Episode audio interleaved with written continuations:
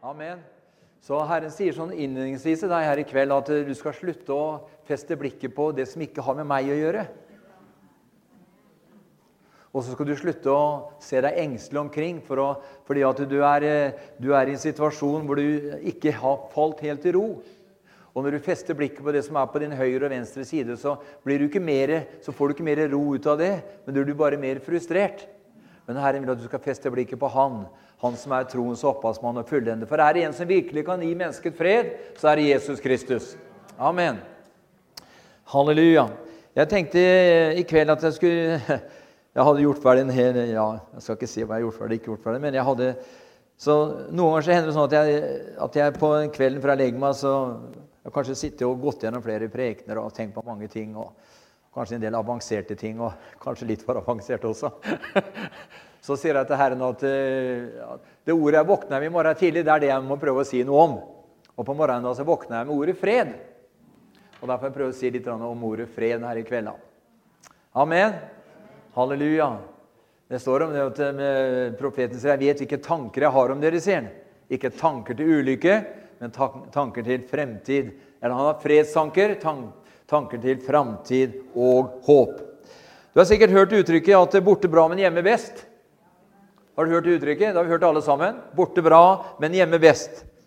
Hva er, det, hva er det som ligger egentlig i en slik, eh, i slik uttalelse når man sier det 'borte bra, men hjemme best'? Jo, det, det, det ligger følgende i det ja, eh, om, eh, at selv om det var bra å komme på en annen plass, så konkluderer man at hjemme var best allikevel.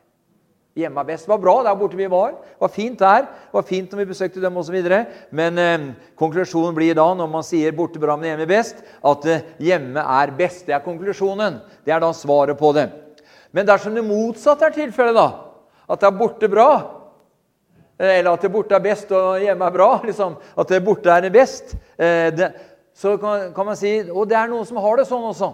At dersom det motsatte er tilfellet, så avslører det at man ikke har det godt hjemme. Ikke sant? Hvis bort er best, eh, så er det, et, er det et signal på at man ikke har det bra hjemme. Og det er det Herren ønsker, og det vil alle mennesker. Alle mennesker ønsker egentlig å ha det godt hjemme. Og, eh, og, ikke ha det godt når du er borte. Man vil, selvfølgelig ha det begge deler, både godt når du er borte og godt når du er hjemme. Men borte bra, men hjemme er best, var det ordtaket som jeg innleda med her. Så, og Du har sikkert opplevd at du har kommet på besøk til noen, og du opplever her var det godt å være. Ja, nesten som hjemme. Har du vært i en sånn situasjon? Du har kommet på besøk til noen, og så, så eh, setter du, sitter du på kjøkkenbordet der, eller hvor enn er, og, og, så opplever du at det her er en så god atmosfære. Ja, her er det så godt å være at det er nesten som hjemme. Det, det har jeg opplevd noen ganger. Her var godt å være, liksom. Så sier du at det er nesten som hjemme, men det er likevel ikke hjemme. Men det er nesten som hjemme. Hva kommer det av? Jo, det er noe i en, noe i oss, venner, som gjør at man på en måte kjenner fred og ro. Og uten fred og ro så blir det veldig urolig. Og når det blir urolig, så blir det veldig vanskelig å eh, gjøre og fatte de riktige beslutninger osv. osv. Så, men i vår verden, venner, så finnes det fortsatt hjemløse. Det finnes mennesker som ikke har en bestemt plass som de kan kalle sitt hjem. Vi så jo Halvard her på, eh, på onsdag. Han delte litt fra sitt arbeid i, eh, i Ukraina. Og det var eh, eh Halvard står i et voldsomt sterkt arbeid hvor de hjelper eh, hvor de har et arbeid blant narkomane som er dobbelt så stort som hele evangeliesenteret i Norge. Ja, Så det er større, det er dimensjonen, men det er ingen som eh, Men det er selvfølgelig Ukraina også et land som eh, det bor kanskje åtte-ti ganger så mange mennesker som i landet her også. Jo, det gjør jo det. Det bor minst ti ganger så mange. Men eh, vi tok opp en, et, et offer til misjon på, misjon på onsdag. Til, og det kom inn eh, Den dagen eh, ble det overført ca. 25 000 kroner til, til den misjonen. Og det takker vi Gud for. Og det forteller meg at når mennesker opplever noe som rører deres hjerte, så får man lyst til å være med og, og gi videre. Eller dele ut av det man har. Halleluja. Så Derfor er det som jeg sa, at det er også mange mennesker som ikke har en bestemt plass som de kan kalle sitt hjem. Og da kan noen si straks med en gang ja, men de er, de er, altså de er skyld i det sjøl. Ja, du kan si det sånn at det er mange årsaker til at folk ikke kanskje har en plass som kan kalle sitt hjem osv. Men det er jo ikke det vi skal snakke om her i kveld. Vi skal snakke om at eh, Gud han har kalt oss til fred. Amen. Halleluja. Og han vil at alle mennesker skal få erfare og få oppleve at det er eh, godt å være, og godt å eh, ikke bare være til, men at eh, vi skal ha det godt på alle plan og på alle områder i våre liv. Det vil si at det er ikke dermed sagt at vi skal ha det så godt at, ikke, at vi aldri får et problem. For det er nemlig problemer og utfordringer som hjelper oss til å sette pris på de godene som, eh, som man kan oppleve i samfunnet med Jesus Kristus. Men når det gjelder det åndelige, venner, så er det faktisk noe som heter, eh, er også noe som heter et hjem. En Jesus-troende menighet er et hjem hvor man kan oppleve at dette er mitt hjem. Det er et ordtak som heter 'like barn leker best'.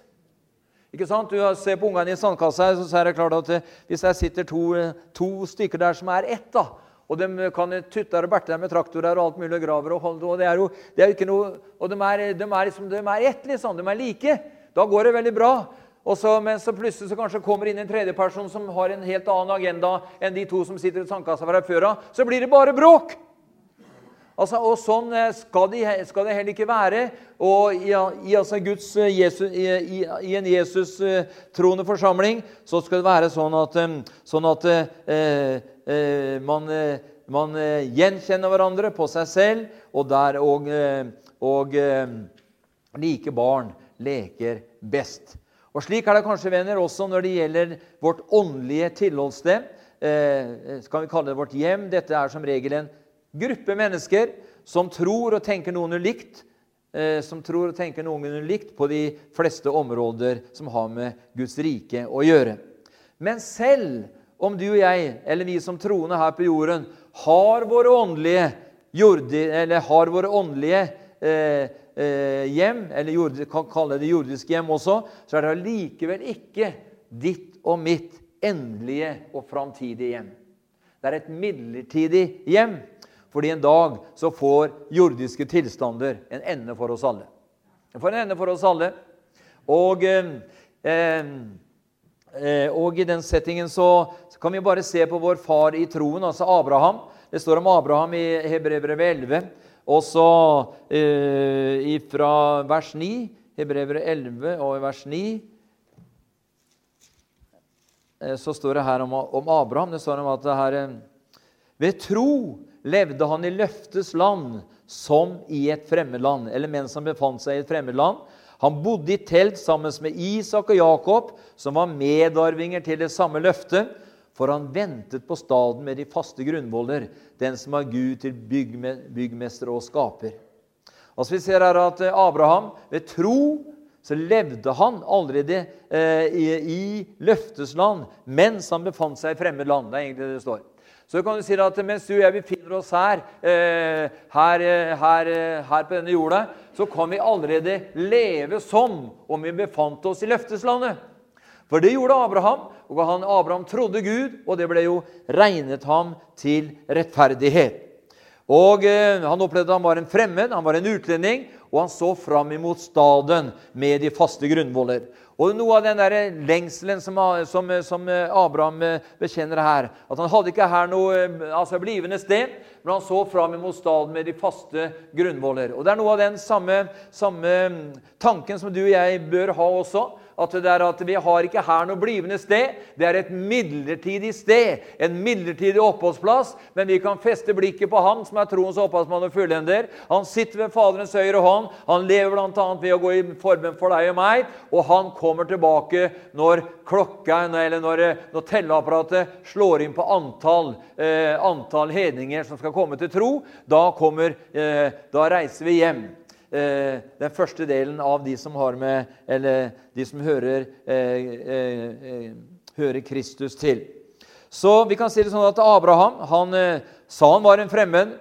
Eh, og Derfor skal det også være med deg og meg. Vi er, vi er, vi bruker verden som om vi er i verden. Vi bruker saker og ting fordi det, saker og ting er, er, i verden. Men vi setter ikke hvor lite noe system her. Fordi at eh, denne plassen, denne jordiske, den kloden vi bor på nå, og det livet vi lever nå, det er altså for deg og meg 70, 80, 90, 100 år. Og så ser vi det at Men allikevel så går, så går tida veldig fort. gjør det ikke det? Og folk sier at Jeg skjønte ikke da jeg var guttunge, så sa folk at de eldre sa at tida går så fort. sa de. Det går så fort. Og når du nå nærmer deg 70 sjøl, så ser du at tiden går fort, egentlig. Men det er ikke dermed at timene er fortsatt på 60 minutter, og ett minutt er fortsatt på 60 sekunder. Men det er det at ting liksom i uka går så raskt. Og det har vel det at når, var, når, her, når tenåringer og sånt, de får liksom ikke tida til å gå fort nok. Jeg husker når Vi skulle, vi skulle jo på kino, vet du, og da var det sånn at på Saga kino, Greåker kino, når vi var guttunger, så var det 16-årsgrense for å komme på voksenfilm. Og så var det sånn, Men begge de to kinoene var drevet private. vet du. Så det var at Noen ganger så sto vi liksom, skulle, var kanskje bare 13-14 år og ville inn på voksenkino, så, så var det privat kino. og de, de, de, de, levde jo på det de fikk inn på, inn på kinobilletten. Og Da husker jeg da sto vi liksom litt på tåa og sånn, liksom, liksom, for at vi var liksom, vi trodde vi var 16, men vi bare så fram til at vi var 16, for da kunne vi komme på voksenkino. Men eh, så da gikk jo liksom tida veldig sakte. Men når du kommer opp i gitt alder, så opplever du det at tiden går veldig fort. Så, og Derfor er det godt å vite det, at vi, vi har ikke her noe blivende plass, men vi ser fram imot staden med de faste grunnvoller, som akkurat som vår far Abraham gjorde. Han er vår far i troen, Abraham, og han, dette, og han så fram imot staden med de faste grunnvoller. Halleluja. Men eh, la oss høre f.eks. eh, hva Jesus sier i Johannes 14. Og eh, i vers 3 så sier han Og når jeg har gått bort, sier eller er gått bort, og har gjort i stand et sted, kan også oversettes med et hjem for dere, kommer jeg igjen, og så skal jeg ta dere til meg, for at dere også alltid skal være der hvor jeg er. Halleluja. Så du at eh, det er en som driver og, driver og gjør i stand et, eh, et, et, sted for oss, et hjem for oss. Og når den tiden er inne, så kommer han igjen og tar oss hjem til seg for at det alltid skal være der hvor han er. Halleluja. Så, så, bare det å være frelst i dag, du, det å være født på ny og være en ny skapning den 10. Eh, november i, i, i det herrens år 2019, det er et privilegium. Hvis det virkelig gikk opp for deg og gikk opp for meg hva det ville si å gå over fra døden til livet og fra Satans makt til, og, og, til Gud, og at jeg satt i himmelen med ham for allerede her i tiden herske og regjere med ham Hvis det virkelig gikk opp for oss hva vi er frelst fra, og hva vi er frelst til, så vil vi prise ham dag og natt. Halleluja! Vi vil løfte opp det navnet som er over alle andre navn. Vi vil proklamere Jesu-navnet som det navnet som har vunnet en evig forløsning, en evig seier. Vi vil ikke skamme oss for, vi vil ikke skamme oss for noe av det som har med evangeliet å gjøre. Vi vil fryde oss ved å være vitnesbyrd om Han som lever og står opp igjen for oss. For vi er, selv om at eh, denne verden at eh, Paulus sier i Rombrevet 1, vers 16 Men jeg skammer meg ikke over evangeliet, sier han. For det er en Guds kraftig frelse for hver den som tror. For jøde først, og så for greker. Halleluja. Priset være Jesu navn. Så der står det at eh, og når jeg har gått bort og har gjort et sånt sted, et hjem for dere, kommer jeg igjen og skal ta dere til meg, for at også dere skal være der hvor jeg er. Venner, det er jo på en slik måte Eh, eh, i det naturlige eh, eller i hvert fall så var det slik i det gamle Israel at før noen kunne ta en hustru til ekte og bryllup finne sted, så måtte mannen ha ordnet ferdig på forhånd et rede, et hjem, før bryllupet kunne finne sted. Det var liksom helt vanlig i Israel. Det var nemlig det at De kunne ikke bare gå bort og ta seg damen og du, nå tar vi gifter oss og flytter sammen. liksom. Nei, at da personmannens ansvar var å sørge for å berede et sted, berede et hjem. Og når hjemmet var ferdig og stedet var klart, eh, altså kan vi si klarert, og tiden var inne, så kunne han eh, gå inn til bryllup, og slik at det kunne finne sted. Det var bare en sånn innledning her i kveld. dette her. Men nå skal vi se på over til, til altså dagens tekst, som er, som er, Guds fred. Halleluja. Men du skjønner at eh, i et hjem hvor du har trygghet, så kjenner du også fred. Det er fred. Halleluja. Jakob sier det i Jakob 1,17. Han sier all god og all fullkommen gave kommer, ifra, kommer ovenifra, ifra lysenes Fader, hos det ham det verken er forandring eller skiftende skygge. Så ordet, er, så ordet, fred er et ord mange i dag forbinder med noe uoppnåelig. Og I dag leser vi eh, og hører om fred. Eh, hører man om fred på mange forskjellige måter og på mange forskjellige områder. Ordet fred mener er kanskje det ordet opp gjennom historien som er det mest misforståtte av alle ord som vi mennesker befatter oss med. Vi ser at, eh, vi ser at nå er det liksom på en måte at Tyrkia gikk inn for å drive ut kurderne i Nord-Syria, og så kommer amerikanerne i bildet, og så blir det en midlertidig såkalt våpenstilstand eller, eller fred det, er, altså, det, er, altså, det, er, jo ikke fred, for det er ikke fred i hjertene. Hatet er like sterkt. Eh, men, eh, eh, men allikevel så er det ordet 'fred' er ordet som alle mennesker på jorda mener, søker etter i en eller annen form. I begravelser, i minnestunder, er ordet 'fred' ofte brukt. Det er så ofte brukt at selv at når, når eh, når eh, Herren skulle ønske å velsigne sitt folk i 4. Mosebok og i kapittel 6 så står, kjenner du den der beretningen her, den aronittiske velsignelsen, hvor det står i 4. Mosebok kapittel 6 og fra vers 22. Og Herren talte til Moses og sa, tal til Aron og hans sønner og si, slik skal dere si når dere velsigner Israels barn. Herren velsigne deg og bevare deg. Herren la sitt ansikt lyse over deg og være deg nådig. Herren løfte sitt åsyn på deg og gi deg fred. Så skal de legge vind, legge mitt navn på Israels barn, og så vil jeg velsigne dem, sier Herren her til, altså til Moses her. Det Vi ser her at Herren ønsker å velsigne sitt folk, og at nøkkeltilstanden for å leve i Guds velsignelser er i en tilstand av fred. For du kan nemlig ikke leve i en fullkommen, eh, perfekt situasjon med velsignelse på alle fronter i livet ditt hvis du ikke har fred i hjertet. Hvis det ikke er fred, så spiller det ingen rolle hvor mye jordisk gods og hvor mye jordisk gull og hva du enn måtte forvalte av det ene eller det andre. Det hjelper deg ingenting hvis ikke din livstilstand er preget av fred. Og, det er nemlig derfor, og derfor er det umulig også å leve i Guds velsignelser eh, eh, uten i en tilstand av fred. I det naturlige venner er det slik at mange opplever en slags fred ved å ferdes i skog og mark. Ikke sant? Jeg går en tur i skogen, for da opplever jeg fred. Det blir nesten som den sangen vi lærte på skolen. Jeg gikk en tur, tur i, nei, sangen, jeg gikk en tur på skogen for å søke skogens ro. Der lærte, hørte jeg fra lien en gjøk som sa ko-ko. Så vet at det blir bare sånn midlertidig. Og da kan du sette deg ned på en stubbe, og så kan du kanskje høre et ekorn kne, knekke en nøtt. holdt jeg på å si. Eller, eller en, ikke nøtt, men Jo, det kan være ei hasselnøtt der, da. å si det. Eller du kan sitte der og så kan du liksom sitte der og slappe av. og høre fuglene synge kanskje, og se en rev komme, en hare hoppe osv. Så, så kan du sitte der og kjenne på en måte en sånn en, Her var det fredelig. Her var det godt. Og... Eh, og, eh, men så kommer du hjem igjen, du kan ikke sitte ute på en stubbe i skauen hele dagen. vet du, så du må jo hjem til, til, dagens gjøremål. Og så er det plutselig så er den situasjonen borte. Du hadde på en måte, på en måte litt sånn sjelefred akkurat der og da når du satt på denne stubben og, og, eh, og nynna på den sangen. Jeg gikk en tur i skogen for å søke, eller gikk en tur på stien heter det kanskje, for å søke skogens ro. Da hørte jeg fra lien en gjøk som gol ko-ko. Venner, som jeg sa, denne, denne fredsopplevelsen varer kun der og da. Men det finnes en fred skjønner du, som varer, og det er den vi skal se litt nærmere på her i kveld. Halleluja. Det står i 2. krønikebok eh, kapittel 14. Så står det det at 2. Eh, krønikebok Det er baki her.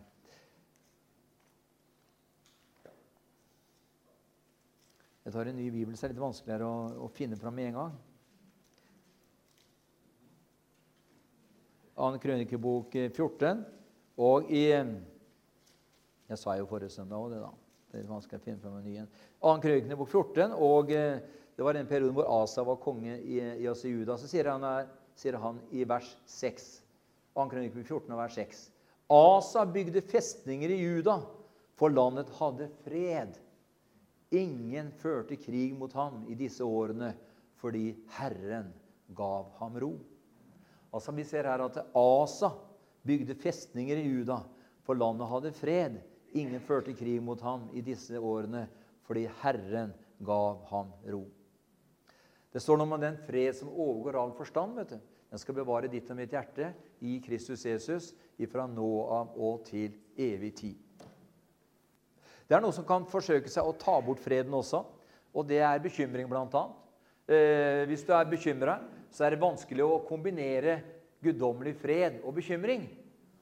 Å, jeg har sånn kolossal fred, men samtidig er jeg så bekymra. Det går ikke, det.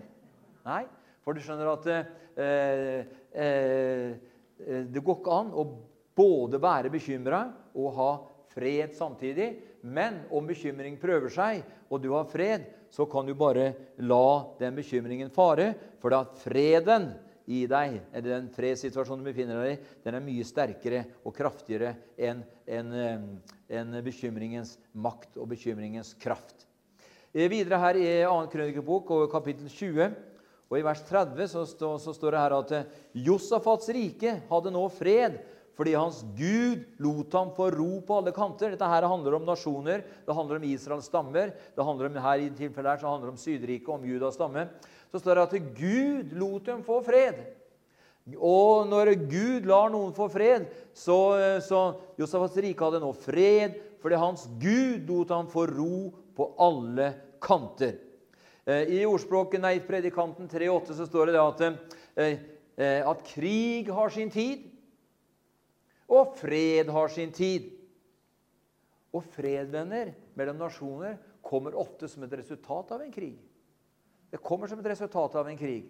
Den største freden som er, som er utspunnet i hele universet, det var den eh, krigen som Jesus vant på korset.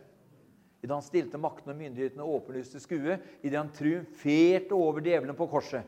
Derfor sier Esaias 53 at han ble såret for dine og mine overtredelser. Han ble knust for dine, dine og mine misgjerninger. Straffen ble lagt på ham for at du og jeg skulle få fred. Og ved hans sår har vi fått legedom. Halleluja. Det er den sterkeste, sterkeste freds, fredssituasjonen som et menneske kan komme inn i, det er å komme inn i Kristus Jesus og få erfare og få oppleve at den seieren, den krigen som Jesus kjempa imot makter og myndigheter, den, eh, ved, ved, at han fullførte den krigen, så ble det ikke noe sånn, eh, sånn etterpå at det ble at de gjorde en fredsavtale, djevelen og Jesus. Nei, men det var Jesus som vant en sånn en knusende seier over djevelen. Så han stilte ham åpenlyst til skue idet han triumferte over ham på korset. Så.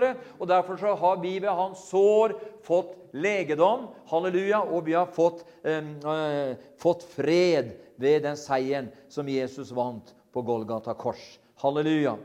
Så i dag venner, så ser vi da at, eh, så ser vi at eh, i verden i dag så er verden mer enn eh, opptatt av fred enn noen gang. Man sender ut fredsmeklere. Det er fredsmeklere nå fra Norge annet, gjennom FN, som er i Syria. Og Jeg hørte en rapport i går at de siste 14 dagene så har denne norske fredsmekleren hatt stor framgang. Eh, og Det er jo fordi, fordi at man egentlig vil ha fred. Eh, og eh, man ser f.eks. at, eh, at eh, eh, Og kanskje Og den forsøker selvfølgelig etter beste evne å skape en tilstand av fred man arrangerer fredsdemonstrasjoner osv. Men så er spørsmålet er det virkelig er, er det fred. I Midtøsten og blant mange andre land rundt i verden, inkludert Norge, så sier man at bare Israel trekker seg tilbake fra grensene fra før 1967, så blir det fred. Har du hørt den? Bare de trekker seg tilbake fra grensene fra før 1967, så blir det fred. Men hva var det som starta krigen i 1967, da, mens de gamle grensene var der? Det var jo Israels fiender som selv da ikke var fornøyd med den, de grensene som Israel hadde der og da i 1967. For de ville, det, de ville knuse dem og tilintetgjøre dem. Og så, så, så, men, men, så kom jo den, eh, den herlige seieren, at, Jesus, at, Israel vant en knusende seier på seks dager. At, og så kan da verdens politikere, inkludert Norge, inkludert Ine Eriksen og, og hele kostebinderiet som sitter og styrer i Utenriksdepartementet, hvor de enn måtte befinne seg, de tror på en tostatsløsning. Og de tror bare at det er, det er land for fred. Bare de gir fra seg det og det, så blir det fred. Og vi hadde Ariel Sharon. Han ga bort hele Gaza fordi han skulle få fred. Men sannheten er at når han ga bort hele Gaza, så ble det en større ufred enn noen gang. Men allikevel så sier verden ja, bare Israel trekker, trekker seg tilbake til 1967-grensene, så blir det fred. Men det er en blank løgn. Det er en løgn. Men allikevel så vil verden liksom tro på det. Det er akkurat som LO sier at det fins ingen LO-medlemmer i hele Norge som skulker en mandag. Tror de på det sjøl? Tror de på det sjøl? Nei, de tror ikke på det sjøl, men de må jo bare si det. Og Sånn er, det også, eh, sånn er det også på den politiske arenaen. Nemlig det at eh, Ja, for at eh, eh bare Man skal holde oss til Israel her. Da. Bare de kommer tilbake til grensene for okkupasjon Eller Sannheten er jo, jeg mener, at grensene fra 1967 det var eh, okkupasjon Eller okkupasjon okkupasjonsgrenser som Jordan hadde okkupert. Jordan hadde tatt Øst-Jerusalem, de hadde tatt Judea, Samaria osv. Som egentlig var gitt til Israel i 48, samtidig som alle andre kriger før 67. Eh, grense var det, som jeg sa, hvilken grense var årsaken til krigene? Årsaken til ufreden er langt mer enn et landområde. Det er, den er åndelig. Den er åndelig. På samme måte som, eh, eh, som din og min personlige fred eh, har langt mer å gjøre med enn bare forhold eh, oss eh, samfunnet, eller kan du si personer og opplegg oss imellom. Den er egentlig åndelig. Og Derfor så sier Matteus, eh, Jesus i Matteus 24, og fra vers 6 til 8, så sier han her at Han sier i Matteus 24 så snakker han om, han taler om krig, krig og rykter om krig og, og jordskjelv både her og der osv. Og, og eh, han eh, kan bare finne det verset her. Han sier her i Matteus 24, og eh, i vers, eh, vers 68 eh, så står det her at eh, dere vil høre om kriger og rykter om krig. Se til at dere ikke lar dere skremme, for alt dette må skje, men ennå er ikke enden kommet. For folk skal reise seg mot folk og rike mot rike, og det skal bli hunger og jordskjelv både her og der. Men alt dette er begynnelsen på fødselsveene, sier Jesus her, når det, som et resultat av eh, De spurte han om, eh, om, dette her i begynnelsen på 24, hvor de sa da han satt på Oljeberget og disiplene var alene med ham, kom de til ham og spurte si oss når skal dette skje, og hva skal tegnet på ditt komme være, og på denne tidsalders ende. Og Det første Jesus svarer, han svarer i vers 4 Jesus svarte og sa til dem, se til at ingen fører dere vill. Det er første svaret. Se til at ingen fører dere vil. Og hvis Det er bare å lytte inn de forskjellige røster i dag. Det er bare å følge med på litt på YouTube. Det er bare å følge med på litt en del sånne grupperinger av kristne sammensetninger bortover. Så ser du da at det, er mye villfarelse akkurat i dag. Men, skjønner, men, eh, og hvorfor svelger folk villfarelse? da? Jo, for de har ikke fred med Gud i sitt hjerte. De har ikke fred. Altså, Jesus sier at eh, 'min fred gir jeg dere', ikke den fred som verden kan gi, men min fred. For du skjønner at Den freden som Jesus gir, den gjør, den gjør, deg, den gjør deg skarp. Og den gjør deg i stand til å kunne takle og forstå alt som ikke har med den sanne, ekte freden å gjøre, osv. Eh, vi ser at i Åpenbaringen kapittel 12 eh, og i vers 7 så forteller oss at krigen mot slutten eh, i den åndelige verden vil komme fysisk ned på bakken. I Åpenbaringen kapittel 12 så ser vi her at krigen mot slutten i den åndelige For det er egentlig det er alt det handler om. Det er fortsatt alt det som, er, det som har med deg og meg å gjøre. Det har med, det har med, det har med Eh, ditt og mitt forhold til Herren. og det er åndelig. Striden er åndelig. Han sier her i Åpenbaringen 12, vers 7 sier han, det ble en strid i himmelen. sier han. Mikael og hans engler tok til å stride mot dragen, og dragen stred og dens engler. Og De kunne ikke stå seg, og det ble ikke lenger funnet sted for dem i himmelen. De ble da kastet ned på jorden. Og Da, er vi, da, er vi, da har vi hoppa langt fram. Da er vi mot uh, avslutningen av, av, denne, denne tidshusholdning før Jesus kommer igjen for å gjenopprette riket. Men vi ser at det, den, i dag så er, har ikke du og jeg kamp mot kjøtt og blod, men mot makter, mot myndigheter, mot ondskapens ånde her i himmelrommet. Og de ondskapens ånde her i himmelrommet vil på et annet tidspunkt litt ut i historien eh, komme ned på bakken. Da blir det tilstander. Og, eh, men eh, det bør ikke du og jeg bekymre oss for så mye, for da, da er ikke du og jeg her. Halleluja. Så oppmaringen 16, eh, 16 vers 4, den snakker om at, eh, at Den sier her at Unnskyld, 16 og vers 14. Den sier her at det er djevelånder som gjør tegn. De går ut til kongen i hele verden for å samle dem til krigen på Guds den allmektige store dag. Altså, Den forteller oss om, en, om, at krig vil være tilstanden på jorda, venner, inntil fredsfyrsten kommer. Det jødiske ordet 'shalom' betyr fred på alle former eller på alle fronter i ens liv. Det vil si fred mellom deg og Herren, fred mellom deg og dine familiemedlemmer, fred mellom deg og dine naboer, fred mellom deg og din slekt, og fred på alle områder i ditt liv. Det er ordet 'shalom'. Inneholder eh, alt dette her. sånn. Uh, i Salme 85, og fra vers 9 til 14, så skal jeg ikke lese en verset her, men der står det, at, det står om at Herren vil tale til han vil, han vil tale fred til sitt folk og de hellige. Eh, og Vi ser her noe som er at freden, den sanne freden den er ikke sånn som bare kommer sånn plutselig. og så plutselig har jeg fått fred, liksom, så er alt i orden for all tid. På hvilket grunnlag da? Det er den ekte, sanne freden, venner, kommer som et resultat eller som er, den er altså betinget av rettferdighet. Esaias sier, I Esaias 32 så sier han litt om dette her. Han sier her at eh, I Esaias 32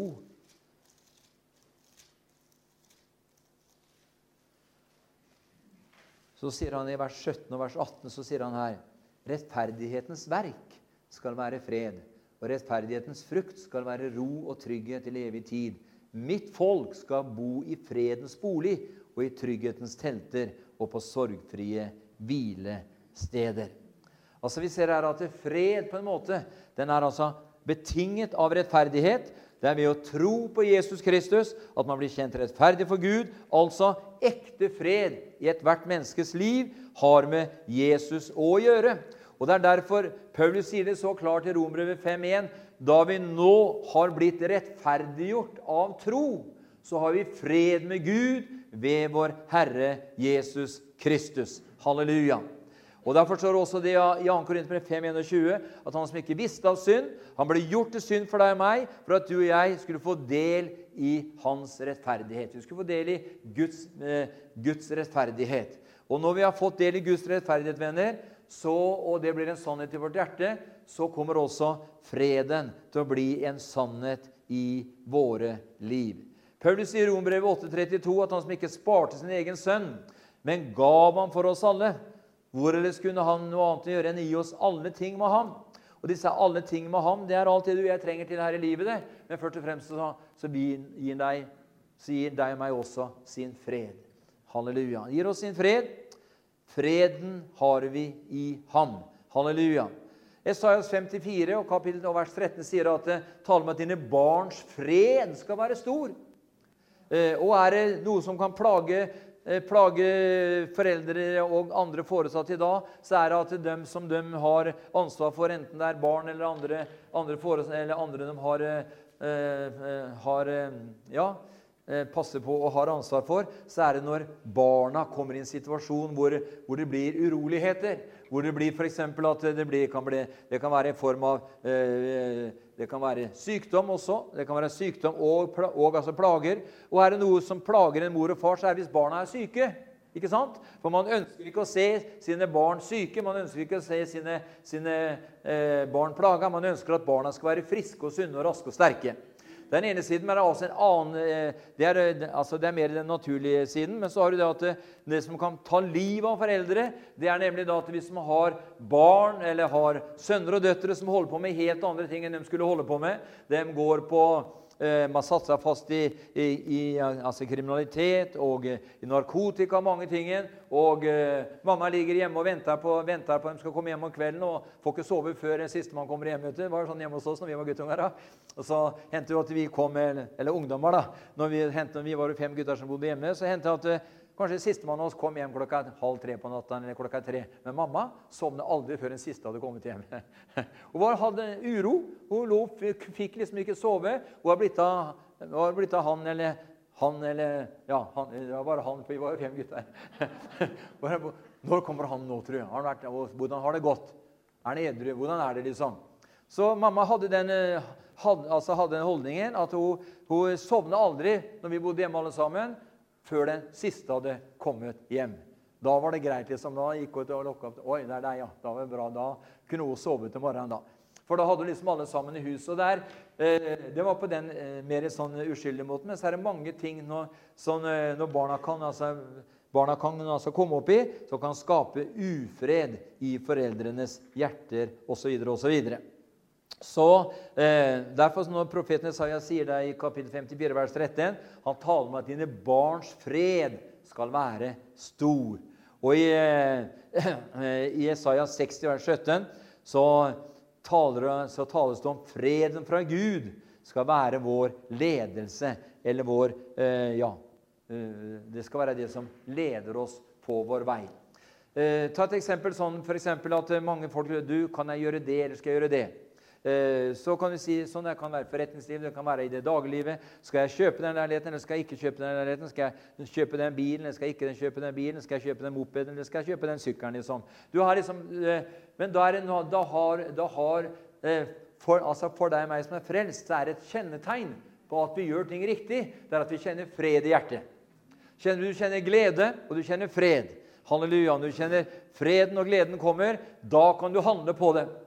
Jeg husker da jeg kjøpte en sak eh, som egentlig kosta Jeg skal ikke si mye det kosta, men det var enorme, enorme saker. Det var en, som sak, kom en kar til meg og sa du, skal du kjøpe det her av meg.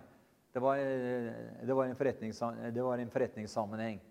Eh, og så med en gang så kjente jeg sånn uro, vet du, ufred. Og Så snakket jeg med noen kamerater rundt omkring. og så sa, Tenk så fint da, Arne, at du tar det der. Og der. Det kan bli sånn og sånn og sånn. og sånn, sånn vet du.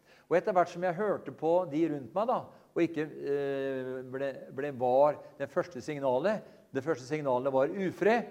Og så handla jeg på det likevel, og det ble en kolossal, kostbar affære. Årsaken var nemlig at jeg hørt på den første røsten, som sa nei. Eh, for også, også Det førte da til mye ufred på sikt. Og Sånn er det i, alt, i mange ting vi holder på med. Så må vi bare kjenne etter. Har jeg fred for dette? Eh, og så kan eh, og, eh, og, når eh, En ting er at du, du, kan kjenne fred for det, og så kommer da neste skritt at du må ha tro for det også. da. Men i hvert fall, freden er på en måte grunn, grunnlaget for enhver handling eller enhver avgjørelse vi skal fatte i, i våre liv mens vi er her nede på denne bakken. Som jeg sa, han ble såret for dine og mine overtredelser, knust for dine og mine misgjerninger. Straffen ble lagt på ham for at du og jeg skulle få fred, og ved hans sår har vi fått legedom. Dvs. Si gjenopprettelse som menneske. Adam han var før syndefallet. Så kom Gud til han sånn på ettermiddagen og samtala litt med Adam. og De prata litt sammen. Og, og, eh, og, eh, For eh, Adam betyr jo menneske, altså oppreist. Han var fullkommen.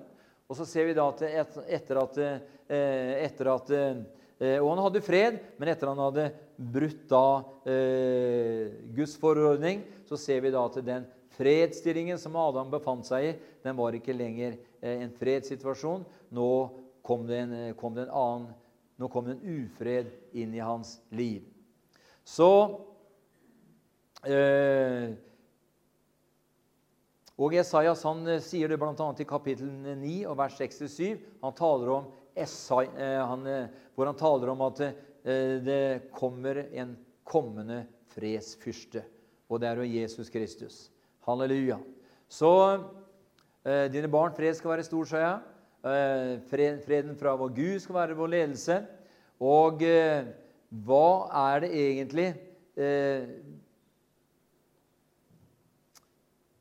Hvem er Jesus?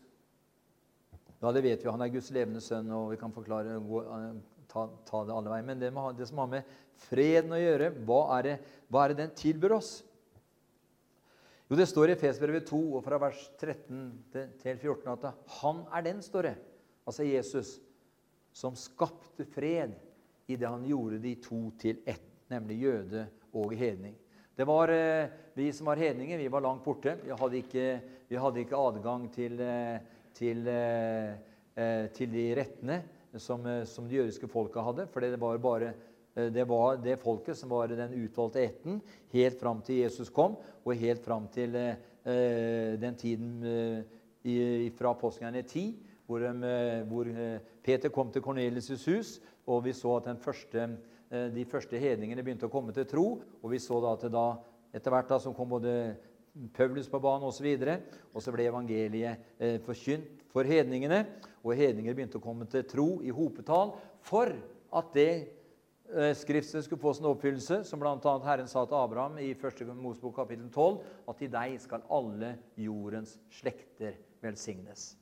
Så det at eh, eh Og Jesus skapte da fred på korset idet han gjorde de to til ett, de som var langt borte, og de som var nær ved. altså De kom, kom sammen eh, og ble eh, til ett menneske eh, i Kristus Jesus, en ny skapning.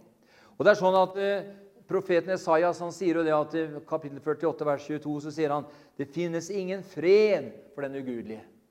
Det finnes ingen fred for den ugudelige. Og vi vet ender at freden eh, på jorden skal bli tatt bort en dag eh, pga. Adams ulydighet. Og vi vet at den, eh, den, ble jo tatt bort, men han skal egentlig komme tilbake en dag. Men når han sier at det finnes ingen fred for den ugudelige og da kan du si at det bare For å sette litt på spissen da, eh, eh, Du er i en begravelse, så er det kanskje en, eh, en som ikke ville hatt noe med Gud eller som hadde banna Gud eh, opp og ned osv. Og så, han, og, så, og, så, og, så, og så dør han, og så sier vi, så lyser vi fred over hans eller hennes minne. Eh, og Det er jo veldig fint, det. altså kan si fine ord, det. Men eh, eh, det er nemlig ingen fred for den ugudelige. Så selv, den, så, så selv en ugudelig, når han trer ut av den hytta som er av kjøtt og blod, så har hans eh, ånd og hans sjel er det fortsatt ingen fred for. Så Derfor så er det dette her med og det, dette her som har med å ta imot Jesus og bli frelst og født på ny, det er så altomfattende og så kraftig og så viktig at, eh, at salmisten sier at det er bedre for det mennesket som går fortapt, om det aldri var født, står det. Om det aldri var født.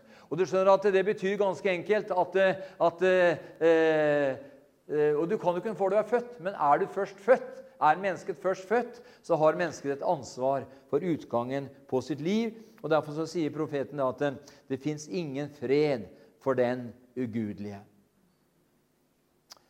Halleluja.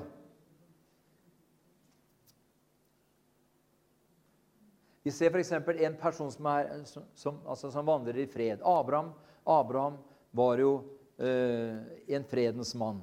Vi så da at etter at eh, han, eh, det kom den situasjonen hvor eh, Lot ble med Abraham. og Mot slutten her så ser vi da at eh, Abrahams jord den vokste, og Lots jord den vokste. Og så ble det til slutt trette mellom Lots hyrder og Abrahams hyrder. Kjenner historien der. Og så blir det til det at de finner ut at de, Abraham sier ja, det skal ikke være sånn at det skal være en trette mellom oss. For vi er jo fredens folk, begge to. Vi er fredens menn begge to. Både Lot og Abraham var egentlig utgangspunktet, eller var fredens, fredens eh, personer. Men så sier de at for at de, skal, men ikke, eh, men for at de skulle få ordna opp dette forholdet da, mellom disse forskjellige gjeterne på de, de to lagene, så sier de 'la oss skille lag'.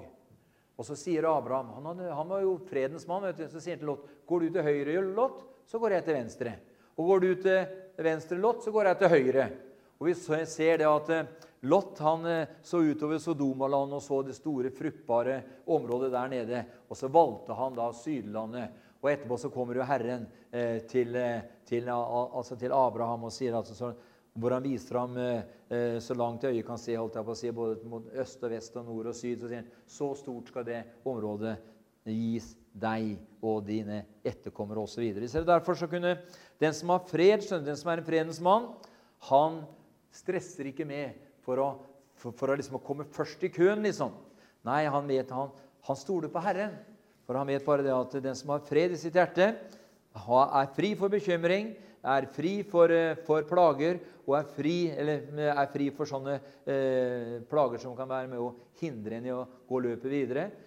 Eh, og vet du at bekymring, den fullkomne kjærligheten, den driver jo frykten på flukt. I, eh, i, eh, i, i både frykt og i, eh, i bekymring så ligger det, så ligger det eh, en, en, manko på Guds fred i sitt hjerte. Men når Guds fred, den som, den som overgår all forstand, får lov til å virke og bo i ditt og mitt hjerte, så vil også det som har med frykt og det som har med, har med, har med bekymring og det som har med alle sånne negative ting å gjøre, vil ingen plass få i ditt og i mitt liv. Og Derfor er det så viktig Derfor er det viktigere enn noen gang at vi tar tak i det som har med eh, Guds ord å gjøre, og det som har med fellesskapet med Jesus Kristus og ham å gjøre. Og Vi ser også det at det var i Kolossbrevet så sier Paulus i Kolossbrevet 1, vers 20 at det var Jesu blod som forente himmelen og jorden, slik at en total still, tilstand av fred kunne råde iblant deg eller oss som tror. Halleluja.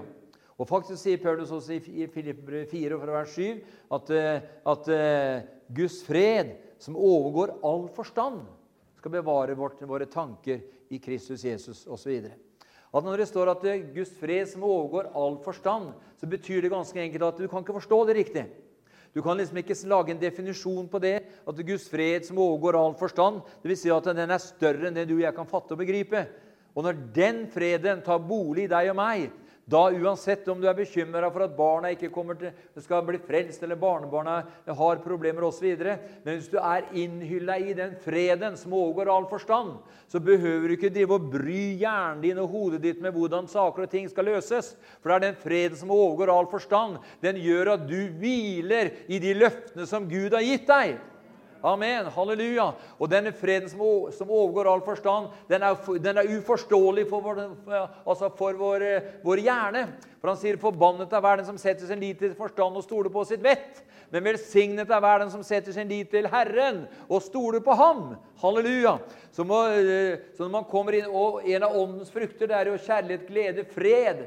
Fred er en åndens frukt, venner. Og den er, ufo, den, er, den er, umulig å forklare med menneskelige ord. Men du bare vet at du vet at du vet at du har det. Akkurat som noen kommer og sier 'Er du frelst?' 'Ja, jeg er frelst'. Ja, men så kan, så kan vi si ja, men 'Hvordan vet du det?' Nei, du har Guds fred. Du vet at du har gått over fra døden til livet. Og et av de eh, kjennetegnene som Johansen sier, eller som eh, apostelen Johannes sier Vi vet at du har gått over fra døden til livet fordi vi elsker brødrene. Og søstrene. Det står brødrene der, da. Det vet vi. Det er, et, det er et tegn. Det er et kjennetegn på at vi har gått over fra døden til livet fordi vi elsker hverandre. Og hvis vi ikke elsker, så forblir vi jo i døden. da. Og da har vi ikke gått over fra døden til livet. Da har vi ikke fått denne fullheten, den derre totale freden som overgår all forstand. Men det er når den totale freden som overgår all forstand, får lov til å virke i våre liv, venner, da blir vi fryktløse. Da blir vi fred. Da blir vi fredfulle. Halleluja! Og da verken hisser vi oss opp eller gjør noe som vi ikke skulle gjort oss videre, Men da overlater vi eh, Det er nemlig Han som har tatt kontrollen i våre liv. Og du vet, Jesus som er fredsfyrsten De sa når han der eh, fotballsparkeren eh, Solskjær en gang vet du, at eh, for å bli like dyktig som han, så, så, så, måtte, så måtte hvis, jeg, hvis, en person skulle bli like dyktig som han til å spille fotball, så måtte Solskjær flytte inn inn. Ikke sant? Så vil Solskjær flytte inn i deg så, eh, og fikk lov til å virke i, i, og gjennom deg og meg, så vil du, også, du, og jeg også bli en dyktig fotballsparker. ikke sant? Og Sånn er det med Jesus òg. Hvis han får lov til å ta totalt herredømme og bolig i ditt og mitt liv, så vil den freden som Jesus representerer, den vil også være representativ for deg og meg. Og du og jeg, vi kan eh, leve um, i total fred og i harmoni på alle plan og alle områder. Og vi behøver aldri uroe oss for noen ting. Han sa det så fint, han Vanvike, da på Jeg Jeg bare hørte en strofe, ja, men han, eh, han snakka om det at uh, Philadelphia Kristiansand de har jo bygd den der enorme kvartalet til 650 millioner. og, og og Herren har vært med dem hele tiden, og hvordan Gud hele tiden har vært med dem. Og nå fant de, han finner plutselig ut at han har litt, litt sånn økonomiske utfordringer. Da, for da både det hotellvirksomheten og kongressvirksomheten og sånt den går ikke rundt. Den, er, den, den trekker penger fra menighetskassa. da. Og da det er det noen som begynner å bli altså, fryktsomme og bli sånn usikre. Hvordan skal vi klare å takle dette her? Og så sier Balvik at, at 'Jeg har fred', jeg, sier han. Jeg har fred. Så for meg så, så, vet jeg bare at jeg lar ikke frykten og usikkerheten eh, eh, prege mitt liv. For at hvis frykten og usikkerheten på hvordan skal vi få det til, blir drivkraften i mitt liv, så mister jeg jo fokuset på Jesus, han som satte i gang alt sammen. For det er nemlig han som begynte, han som skal fullføre. Det betyr ganske enkelt at utfordringer kommer i våre liv, venner. Det kommer i våre liv på så mange plan og på så mange områder. Men hvis du og jeg er fullkomment innhylla i den fred som overgår all forstand, så spiller det ingen rolle hva fienden sender, av våpen imot deg og meg. For vi er, vi er, hans verk. Vi er skapt i Kristus Jesus. Det gode gjerning som var forelagt ferdig for oss for at vi skulle vandre i dem. Og når vi kommer inn i den, den totale freden som bare Jesus kan, kan kan overbringe til oss, venner, så kan det komme utfordringer, og det vil komme utfordringer. For mange er den rettferdiges plager eller utfordringer eller ulykker, står det. Men Herren frir ham ut fra dem alle. Og hvis jeg begynner å stresse og, hvordan skal jeg få det til og ikke få sove om natta og det går, går på helsa løs, liksom, ja, da er det bedre å avslutte alt sammen, da. Men du skjønner, det er bare ikke sånn. Det er bare at hvis den guddommelige freden, den som, den som overgår all forstand, hvis den får lov til å bo ved troen i mitt hjerte, den får lov til å være drivkraften i alt hva jeg gjør, så spiller det ingen rolle hvordan den ene gjør, hva den ene gjør og ikke gjør, og hvordan saker og situasjoner oppstår. For da er det den fred som overgår, som overgår all forstand, den bevarer mitt hjerte, så jeg kan tro Gud for de løsningene som skal til, og det vil komme på plass. Amen. For alt som er født av Gud, venner, det seirer over verden. Det seirer over verden. Og hvis du og jeg er en ny skapning, født på ny vi er, vi er nye skapninger født på ny, så er det sånn at alt som er født av Gud, seirer over verden. Og når du og jeg, det som er født av Gud, seirer over verden Og du og jeg, vi er født på ny, er vi ikke det? Dersom noen er i Kristus, er han en ny skapning. Er vi ikke alle sammen her i kveld? Nye skapninger. Og når vi er nye skapninger, venner, så, så er det grunnlag Hør nå, Det er grunnlaget for å seire over verden. Dvs. Si, seier over alt, vi, alt vi møte, som, som, som, vi måtte møte på vår vei. For den nye fødselen, det som er født av Gud, seirer over omstendighetene. Det seirer over alt, uansett hva det ene måtte være. Halleluja. Priset være Herrens navn. Akkurat som Halvard fortalte her på onsdag, han fortalte det at at han møtte en, Det kom en kar til han som, som tilhørte bedehuset på Randaberg. Han var kanskje ikke født på ny engang, men de hadde, han, eh, han, de hadde, et firma da, som, de, som, gikk så veldig bra. og så En gang i året da, så, så, så pleide de å gi eh, en del av overskuddet til en veldedig, en, en veldedig sammenheng. Og så hadde vi lest det der bladet til Halvard Hasløy da, om Open Heart da, og sett det arbeidet de gjør blant eh, de fattige i altså Ukraina osv. Og, så og eh, så sier, han, eh, så sier han der, der at, at, han hadde jo hadde egentlig bestemt seg for å gi 750 000 kroner. vet du. Men så var han jo på møte, da, for han hadde vært med så, han, så hadde han blitt med på et møte til Ukraina, da, og hvor Halvard hadde talt Guds ord. Da, så han begynt å tale i tunger. Halvard, vet du. Og så da syntes han det var så veldig interessant. Det er messinga, sånn. Drev og messa veldig. sånn. Og han hadde jo sånt et svært sår på beinet eller på hælene. Han hadde vel, han sa?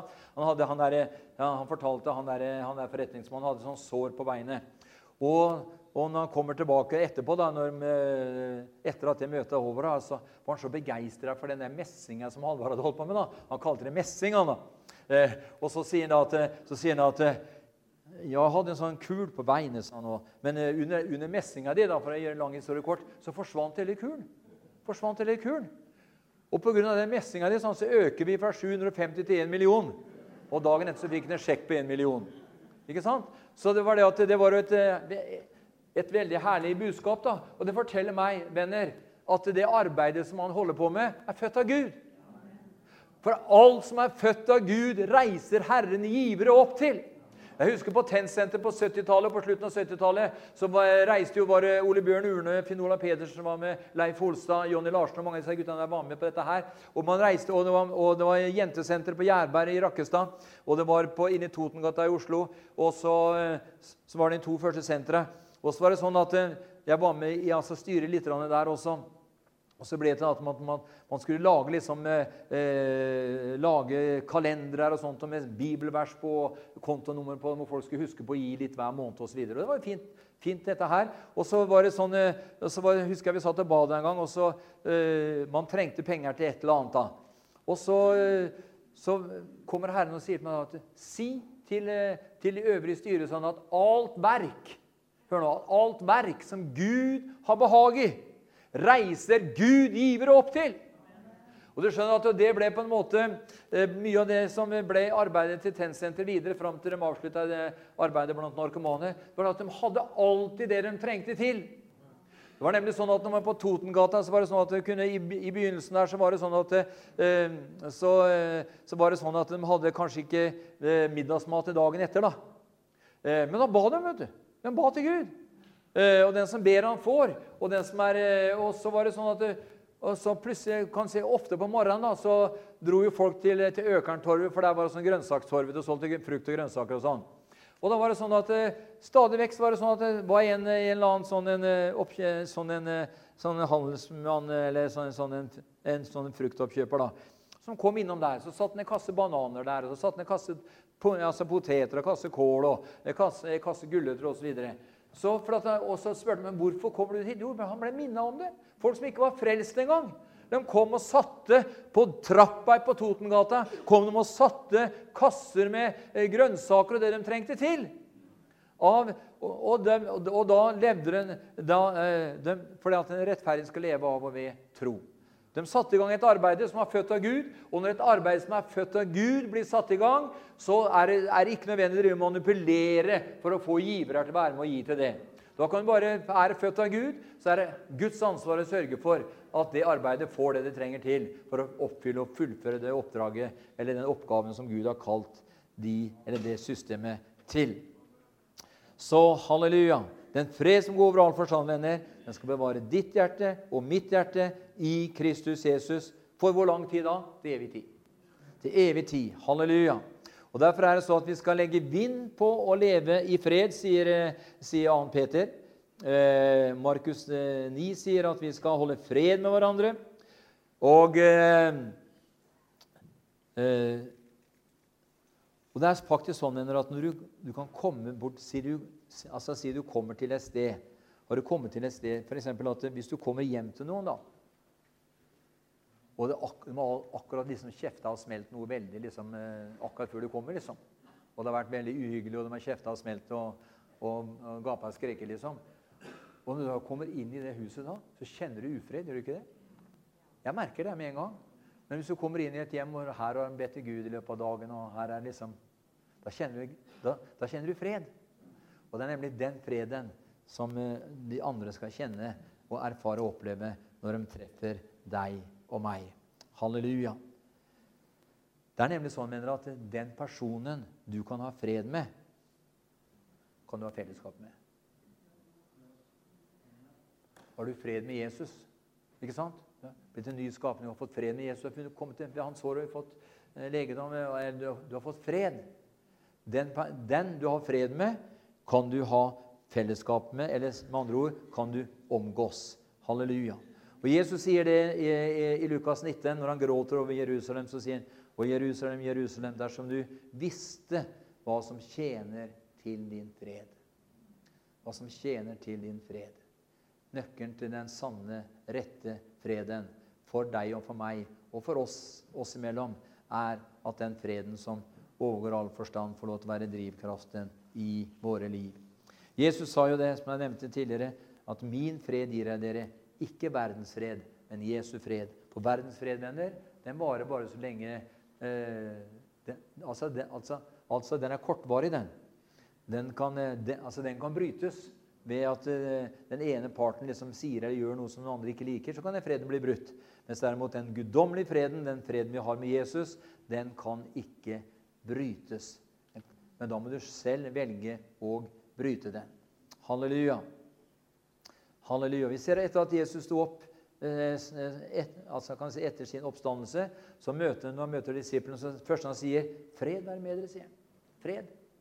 Det var jo sånn før at, eh, før at eh, når man hilste på hverandre på, når troende møtte hverandre på gater, og sånt, og så, så sa de ikke 'hei, Per'. De sa 'fred, broder'. 'Fred, søster'. De, liksom, det var på en måte, de forsto nemlig hemmeligheten i det å kunne leve i fred med Jesus Kristus og med hverandre. Derfor sier Paulus i Romerbrevet 10.: Salig er de som forkynner fred. Halleluja. Og Gud har kalt oss til fred, og at Guds fred skal råde i oss og gjennom oss osv. Halleluja. Halleluja. Men freden har en fiende. Freden har, har ikke én fiende, den har mange fiender. En av fredens fiender er bekymring. Det er frykt, usikkerhet, misunnelse, sjalusi, stolthet, hovmod, egoisme eller med andre ord synd er fredens største fiende. Derfor så sier hun Paulus i Rombrevet til slutt der, Rombrevet 6 vers 11 Han sier at vi skal akte oss som døde for synden, men som levende for Gud i Kristus Jesus. Så det er bare én makt, venner, eller én kraft, som kan bryte freden i våre liv. Og det er synden. Så det er Derfor så er, man skal ikke tillate at noen kan forstyrre freden, freden vår. Eh, og vi skal heller ikke ha noe med den å gjøre, men vi skal se opp til Hans og stråle av glede. Halleluja. Halleluja. Far, jeg takker deg for at du er Gud, den allmektige himmelens og jordens skaperfar. Takker deg, far, for at du har gitt oss del i guddommelig natur, for at vi hver for oss sammen skulle leve til pris og ære for din herlighet. Takker deg, Herre Jesus, at ditt navn er en utytt salve. En salve for legedom, en salve for utfrielse, en salve for seier, en salve for framgang. Takk deg, Herre Jesus, at du hjelper hver og en av oss som er her i kveld, Herre. Halleluja, du gir oss det vårt hjerte begjærer, Herre. Halleluja, bare pris deg. Så takker jeg deg at den fred som overgår all forstand, jeg bare ber om at den skal senke seg ned i et i, hver, i, i, hver og en av oss, Herre. Så vi skal få erfare og få oppleve, Jesus, at vi er, vi er bærere av din fred. Vi er bærere av din godhet, vi er bærere av din glede, vi er bærere av din kjærlighet og, av din barmhjertighet. Herre Jesus, jeg takker deg for at du er i går og i dag, ja, til evig tid den samme.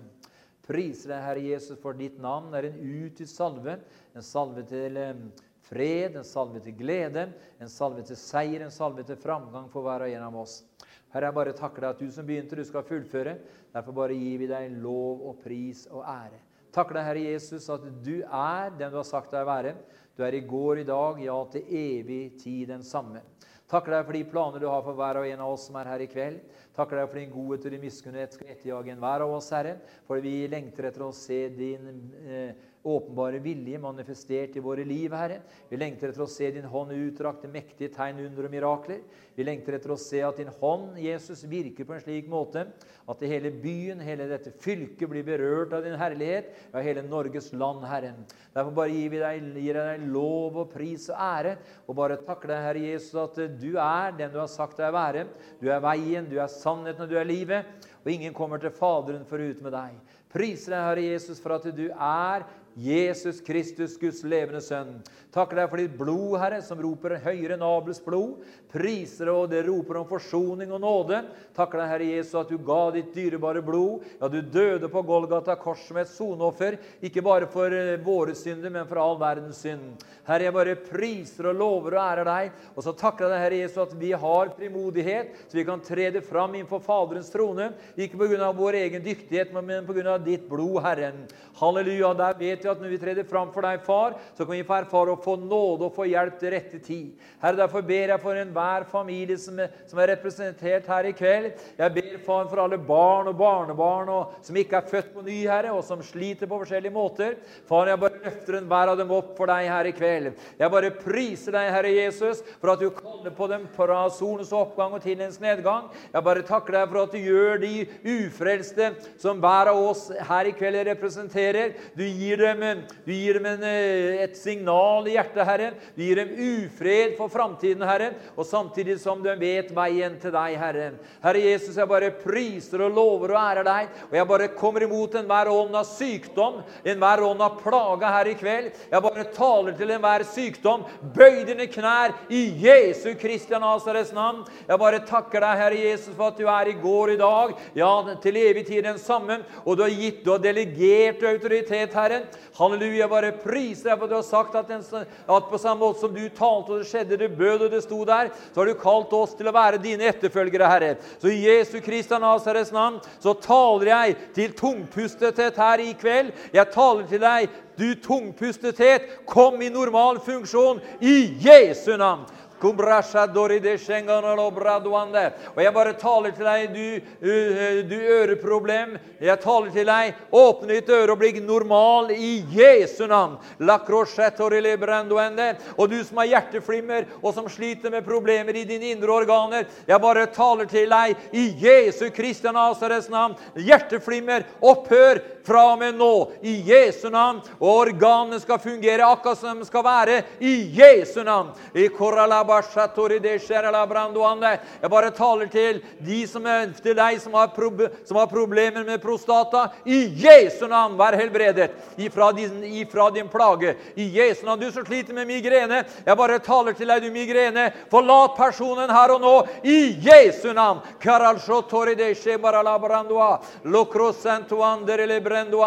Og du som er plaget med magen og har mageforstyrrelser og har spiseproblemer, jeg bare taler til deg i Jesu Kristi navn. Forlat disse, denne, denne person, de personene og vær hel fra din plage. Din mage skal fungere normalt, og spiseforstyrrelser skal opphøre fra og med i kveld av i Jesu Kristi navn.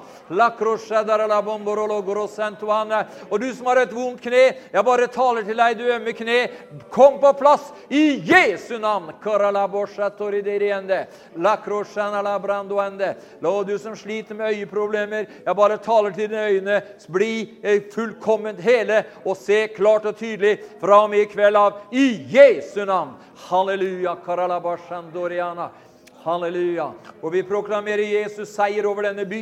Vi proklamerer Jesus seier over Østfold fylke. For Jesus Kristus døde til fastsatt tid for alle syndere i Sarpsborg, for alle syndere i hele Østfold. I Jesu Kristi Nazarets navn. Jeg bare takker deg, Herre Jesus, for at du har gitt oss frimodighet, Herre. Du har gitt oss frimodighet, Herre, ikke på grunn av vår egen fortreffelighet, men på grunn av Jesu blod. Halleluja! Lovet være Gud! Lovet være Gud!